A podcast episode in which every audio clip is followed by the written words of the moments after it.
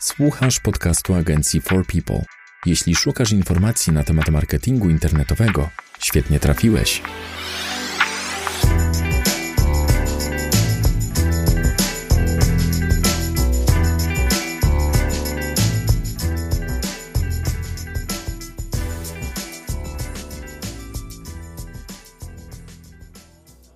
Witamy Was w kolejnym odcinku podcastu Marketing dla Ludzi. Z tej strony Łukasz. I Paweł. Tym odcinku chcielibyśmy pochylić się nad tematem rozliczenia abonamentowego w SEO. Za co tak naprawdę płaci klient i co wchodzi w ramach usługi. Powiedz mi Paweł, z czego tak naprawdę wzięła się geneza rozliczenia abonamentowego? Bo wiem, że wcześniej inaczej wyglądało rozliczanie z klientami prac pozycjonerskich. Wydaje mi się, że należy zacząć od tego, jak SEO wyglądało kiedyś.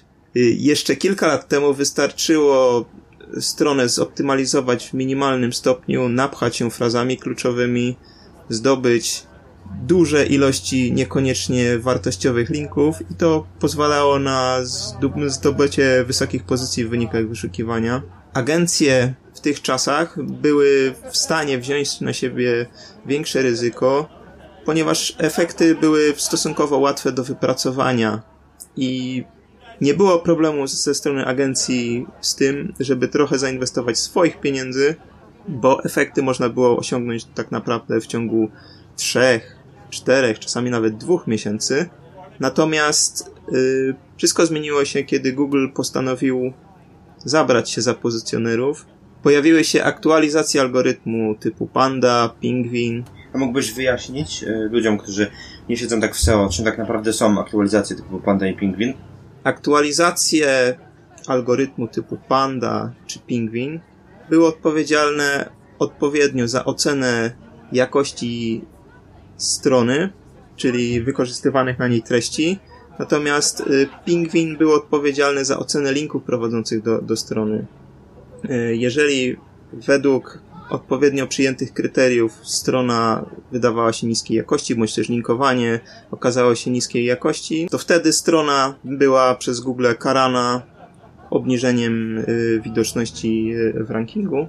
No co, te, co też jakby zmusiło to troszkę agencję do zmiany, zmiany modelu pracy. Już nie było takiej bonanzy, już nie można było linkować skądkolwiek. Strona musiała być od tego czasu lepiej zoptymalizowana. Y, nie przechodziły sztuczki takie jak upchanie fraz kluczowych w treści strony, ukrywanie ich, pisanie białym tekstem na białym tle, czy jakimiś małymi czcionkami, co było dość często stosowane. Tak jak wspomniałem, w tamtych czasach były wszystkie chwyty dozwolone. Po prowadzeniu tych aktualizacji to nie były tylko dwie aktualizacje, to był cały szereg aktualizacji, ale jakby pojawienie się pandy i pingwina zmieniło troszkę tą rzeczywistość, w której działają seowcy. Te, te aktualizacje to są tylko dwa przykłady. Jak myślisz, z czego się bierze, że oni tak często, często aktualizują e, tak naprawdę stany wyszukiwarki? Według mnie wygląda na to, że oni po prostu próbują tylko utrudniać pracę po to, żeby ludzie szli w acy, ale ja nie wiem, jakie masz zdania. Czy to faktycznie jest troska o stronę, czy widzisz jakiś faktyczny wpływ na, e, na, na, na troskę o stronę, czy to jest mimo wszystko tylko walka z pozycjonerami? Z tego, co jest przedstawiane w oficjalnych komunikatach, no chodzi tutaj o zadbanie o w cudzysłowie czystość tych y, wyników wyszukiwania. W rzeczywistości jest troszkę inaczej, ponieważ po niektórych aktualizacjach algorytmu w wynikach wyszukiwania pojawiały się strony, które okiem pozycjonera nie powinny się tam znaleźć. Także tutaj często, często rządzi też pewna przypadkowość. Natomiast sam fakt pojawienia się tych aktualizacji ciągłych, jak wspomniałeś Łukasz, no przynajmniej dwie w roku takie poważne aktualizacje się pojawiają, ale tak naprawdę takich drobnych aktualizacji, których nawet nie zauważamy, są nawet dziesiątki, setki, yy, zmusił agencję do przeniesienia części tego ryzyka na swoich klientów. Yy, już agencje nie są takie skore do poniesienia całkowitych kosztów, bo osiągnięcie wyniku nie jest już takie pewne jak kiedyś. W czasach sprzed aktualizacji agencje często gwarantowały osiągnięcie wyników, bo jakby rzeczywistość na to pozwalała, osiągnięcie tych pozycji było dużo łatwiejsze. Jak to teraz wygląda z gwarancją? Bo często się spotykamy tak naprawdę z pytaniem, czy możemy zagwarantować jakiś efekt. W dzisiejszych czasach, właśnie w rzeczywistości post-pingwin, post-panda, y, takiej gwarancji żadna agencja szanująca się nie da, ponieważ y, organiczne wyniki wyszukiwania stały się takim bardzo płynnym środowiskiem, takie drobne zmiany mogą często wpływać na sytuację całej branży, ale czasami też pojedynczych stron, yy, ponieważ jedna, je, jedna strona może w jakimś stopniu nie, do, nie być dostosowana do, do obecnych wymogów Google i taka drobna aktualizacja, której nikt nie zauważy, może wpłynąć w zasadzie na jedną czy dwie strony, gdzie ktoś to odczuje. Okej, okay, dobra, czyli y, jeśli klient nie może od agencji uzyskać informacji, czego tak naprawdę się może spodziewać, jakiego, na jaki efekt może liczyć, to co może usłyszeć klient od agencji, jeśli idzie y, z prośbą o ofertę na pozycjonowanie? Co tak naprawdę może otrzymać w, w koszcie takich prac? Y, pytanie odnośnie tego, za co tak właściwie mam zapłacić u klienta, może się pojawić w zasadzie w dwóch sytuacjach. Zaraz po otrzymaniu oferty SEO, albo zaraz po otrzymaniu pierwszej faktury. W tym drugim przypadku klient właśnie otrzymuje pierwszą fakturę, ale patrzy na wyniki i mówi, kurczę, nic nie zrobili, nic się nie, po, nic się nie poprawiła sytuacja mojej strony, a tutaj już się pojawia faktura. Za co ja mam tak właściwie zapłacić? Jeżeli takie pytanie pojawia się na etapie oferty, to tutaj y, agencja na pewno wyjaśni, co składa się na ten właśnie abonament u podstaw wszystkich elementów, które w ramach abonamentu jest w stanie zaoferować agencja, jest poświęcony czas i praca.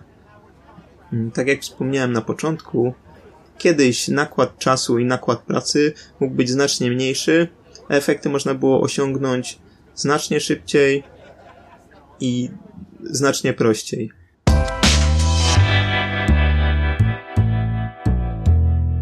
To jest podcast agencji For People, dedykowany przedsiębiorcom i wszystkim miłośnikom marketingu internetowego.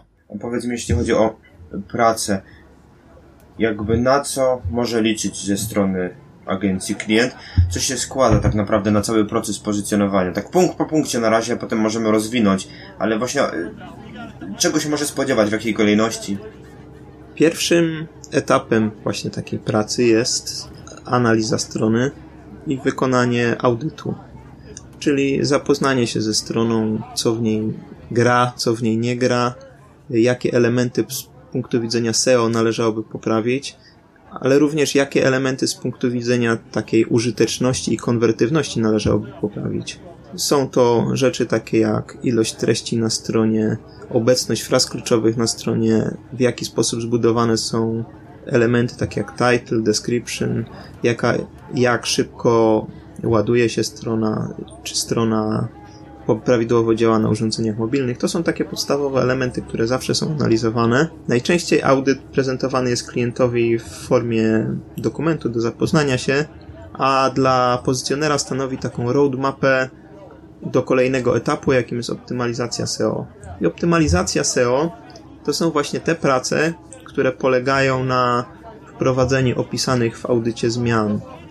Więc to jest kolejny element, na który agencja musi poświęcić czas, bo tu jest za, często zaangażowanie programisty, w przypadku optymalizacji treści zaangażowanie copywritera, SEOwiec też jakby nadzoruje tutaj wszystkie te prace, ewentualnie sam też wprowadza dużo zmian. A powiedz mi, jeśli chodzi o optymalizację techniczną z programistą, co tak naprawdę agencja może zmienić na stronie klienta? Jakby co dodają na etapie optymalizacji strony właśnie pod kątem SEO? Przykładowymi elementami, które może wprowadzić programista, może nie tyle z punktu widzenia SEO, co bardziej takiej użyteczności, jest na przykład wprowadzenie pływającego menu, czyli takiego menu, które porusza się wraz ze scrollowaniem strony, przesuwa się ono w dół, mhm. wraz z przesuwaniem się przez użytkownika w dół strony. A jaki to ma wpływ na SEO? Y, na SEO nie ma to żadnego wpływu, Mhm. ale może mieć wpływ właśnie na taką użyteczność, że użytkownik nie musi wracać na początek strony, jeżeli chce się przekliknąć na jakąś konkretną kategorię, bądź Okej. też wejść w konkretną usługę. Okej. Dodatkowym elementem może być tutaj na przykład wdrożenie w odpowiednich miejscach formularza kontaktowego, jak również podpięcie odpowiedniej analityki, która pozwoli na pomiar, jak dużo tych formularzy kontaktowych jest wysyłanych. W przypadku stron zbudowanych na jakichś niekonwencjonalnych CMS-ach, bądź też konwencjonalnych CMS-ach typu WordPress, ale z jakimiś w cudzysłowie udziwnieniami, y, programista może pomóc chociażby w dodaniu dodatkowych pól tekstowych, mm, które pozwolą na dodanie na stronie treści zawierającej odpowiednie frazy kluczowe. Programista może też dodać na stronie moduł blogowy, który w przyszłości umożliwi publikację treści, które z kolei pozwolą na osiągnięcie wysokich pozycji stronie na frazach z tak zwanego długiego ogona. Więc to są takie elementy, które mogą znaleźć się w optymalizacji, a poza tym wszystkie elementy opisane w audycie, jak chociażby skrócenie titli, mm, automatyczne tworzenie description z treści strony. Dobra, już kończąc temat optymalizacji technicznej, powiedz mi, strona już jest przygotowana pod pozycjonowanie pod kątem technicznym, spełnia część wymogów, które Google wyznaczyło webmasterom. Wiem, że tych czynników rankingowych jest ponad 200, także co robimy dalej? Co robisz dalej, jeśli chodzi o e, pracę nad stroną? Z mojej perspektywy strona tak naprawdę nigdy nie jest gotowa i tych poprawek można wprowadzać w nieskończoność, jakby cały czas strugać tą stronę, żeby coraz bardziej dopasowywać ją do tych wymogów Google, żeby, żeby przeskoczyć y, konkurencję, ale załóżmy, że udało nam się wprowadzić większość tych poprawek. Y, Na pewno kolejnym elementem niezbędnym do osiągnięcia wysokich wyników wyszukiwania jest też przeprowadzenie odpowiedniego researchu klas kluczowych, czyli taka, mm, czyli taka analityka, wykorzystanie odpowiednich narzędzi. I to też jest element, za który w zasadzie klient płaci. Mm, Podejmując współpracę z agencją, wcale nie musimy znać się na obsłudze Google Analytics, mieć dostępu do wszelkiego rodzaju zewnętrznych narzędzi analitycznych, jak chociażby Semstorm, Senuto, Semrush. Cała masa tego typu narzędzi dostępna jest na rynku. Płacąc agencji, tak naprawdę płacimy za dostęp do tych narzędzi. Pozycjoner korzysta z tego narzędzia, dostarcza wszelkich informacji na temat tego, co można na stronie poprawić, jakie frazy kluczowe włączyć w strategię. Agencje często mają wykupione licencje na tego typu narzędzia i ten koszt jakby nie jest po stronie klienta. Klient sam nie musi wykupywać dostępów do tych narzędzi, które niejednokrotnie kosztują setki dolarów. Także klient na dobrą sprawę nie musi analizować, na których podstronach się skupić, jakie frazy kluczowe będą najlepiej konwertować, co jeszcze poprawić na stronie, żeby przyspieszyć jej działanie. Te informacje serwuje klientowi agencja w oparciu właśnie o korzystanie z tych narzędzi, więc to jest jakby kolejna część składowa tej części mm, reachoutowej. Okej, czyli treść, treść, jeszcze raz treść. A co z linkami? Bo na początku mówiłeś, że kiedyś linki były dosyć istotne i można było linkować skądinąd. Ale po wprowadzeniu aktualizacji Pingwin, odpowiedzialnej za analizę tak naprawdę linków przechodzących do strony, już pozyskiwanie linków ze wszystkich miejsc, gdzie popadnie, no nie działa. Wiemy, że Google kiedyś karał. Jak to teraz wygląda z karami, z link buildingiem, jakby czy nadal jest taki duży nacisk na to, żeby linkować i czy linki nadal działają, zwłaszcza na przykład jeśli chodzi o jakieś takie prywatne systemy blogowe, bo wiem, że na przykład w Wielkiej Brytanii bardzo niechętnie podchodzi się do wykorzystywania tak zwanych PBN-ów, czyli y, prywatnych sieci internetowych, gdzie ludzie mają jakby swoją listę blogów, na których publikują linki. Czy linkowanie w ogóle może nadal działać i czy, czy może wpływać na, na pozycję strony w wyszukiwarce? Moim zdaniem linkowanie jest dalej bardzo istotnym elementem pracy pozycjonera. Natomiast tak jak ja wspomniałem na początku i i ty też zauważyłeś, yy, kiedyś można było sobie pozwolić na dużo więcej. Nie liczyła się jakość linków, tylko ich ilość.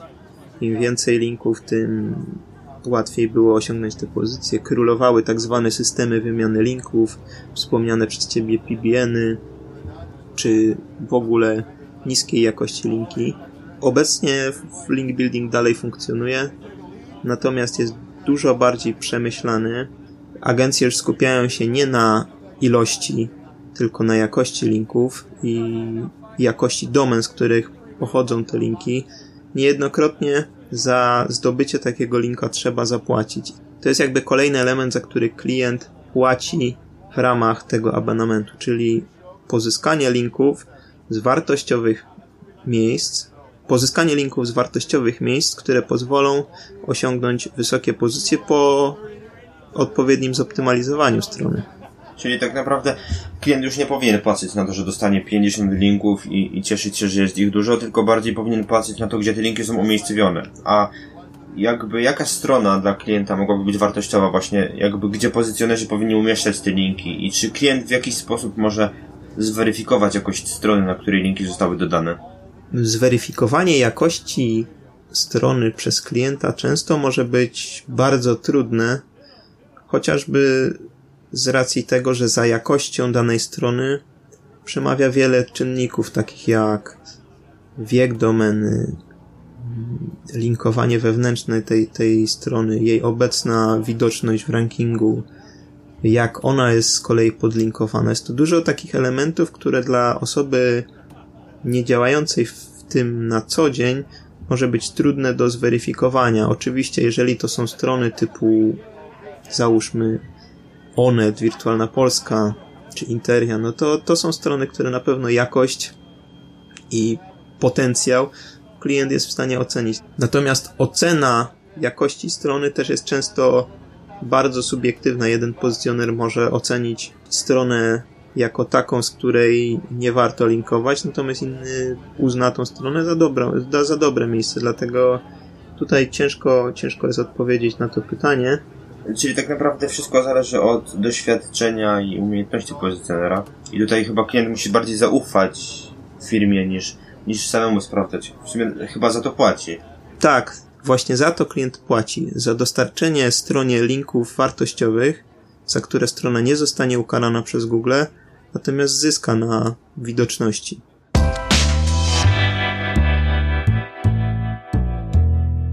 To jest podcast agencji For People specjalistów od marketingu internetowego.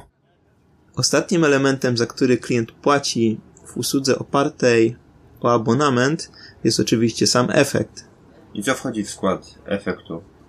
Efekt może być rozumiany na wiele różnych sposobów. To wszystko zależy od tego, jakie cele zostały wspólnie raz, jakie cele zostały wspólnie z klientem przyjęte na samym początku współpracy. Jako efekt możemy określić wzrost widoczności strony w wynikach wyszukiwania, wzrost liczby sesji i to jest chyba najbardziej miarodajny sposób rozliczania zarówno dla agencji, jak i dla klienta. Mogą to być wszelkiego rodzaju KPI, na przykład zwiększenie sprzedaży o ileś procent, zwiększenie liczby wysłanych, zwiększenie liczby wysłanych formularzy o określony procent Czyli to, co o czym wspomniałeś wcześniej. Programista dodaje formularze na jakichś miejscach na stronie, gdzie jest szansa na konwersję. Dokładnie tak. Mierząc liczbę wysłanych formularzy, agencja, jak i klient jest w stanie ocenić postęp tych prac, czy z miesiąca na miesiąc liczba wysłanych formularzy wzrasta, czy spada, czy jest taka sama. Dokładnie to samo widać po analizie Google Analytics, czy liczba sesji wzrasta, jak się ma sytuacja w stosunku do zeszłego okresu, do zeszłego roku, czy sama sprzedaż w sklepie internetowym wzrasta, czy nie, jak, jak tutaj liczby wyglądają. Tak jak wspomniałem, w zależności od tego, co zostanie przyjęte na początku współpracy jako efekt, jest tutaj elementem właśnie tego rozliczenia. Także podsumowując, skończyły się już czasy, kiedy klient może liczyć na 100 linków z blogów, z jakichś forów internetowych. Skończyły się czasy mierzenia pozycji konkretnych fraz. Już nawet powoli chyba widoczność, sprawdzanie widoczności odchodzi do lamusa i teraz liczy się tylko tak naprawdę zwiększenie sprzedaży, pokazywanie ilości formularzy, e, wysyłki formularzy.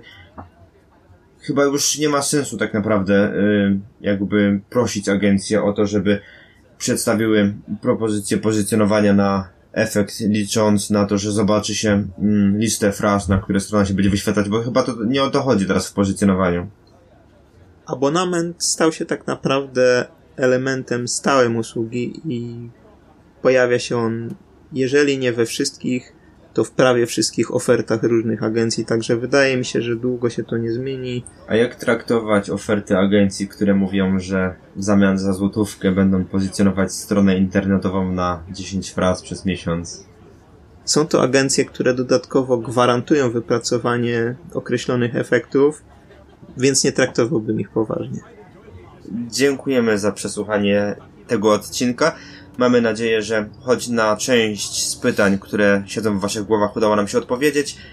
Zapraszamy na naszego bloga marketingdlaludzi.pl, również na stronę forpeople.pl, jeśli szukacie agencji marketingowej, która pomoże Wam wypozycjonować stronę w wyszukiwarce. Z tej strony Paweł? i Łukasz. Do usłyszenia następnym razem. Trzymajcie się i udanych biznesów.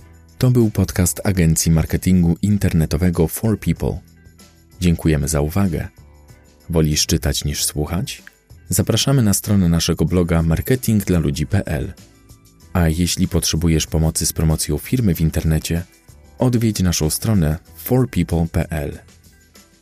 Zapraszamy do wysłuchania następnych odcinków. Do usłyszenia.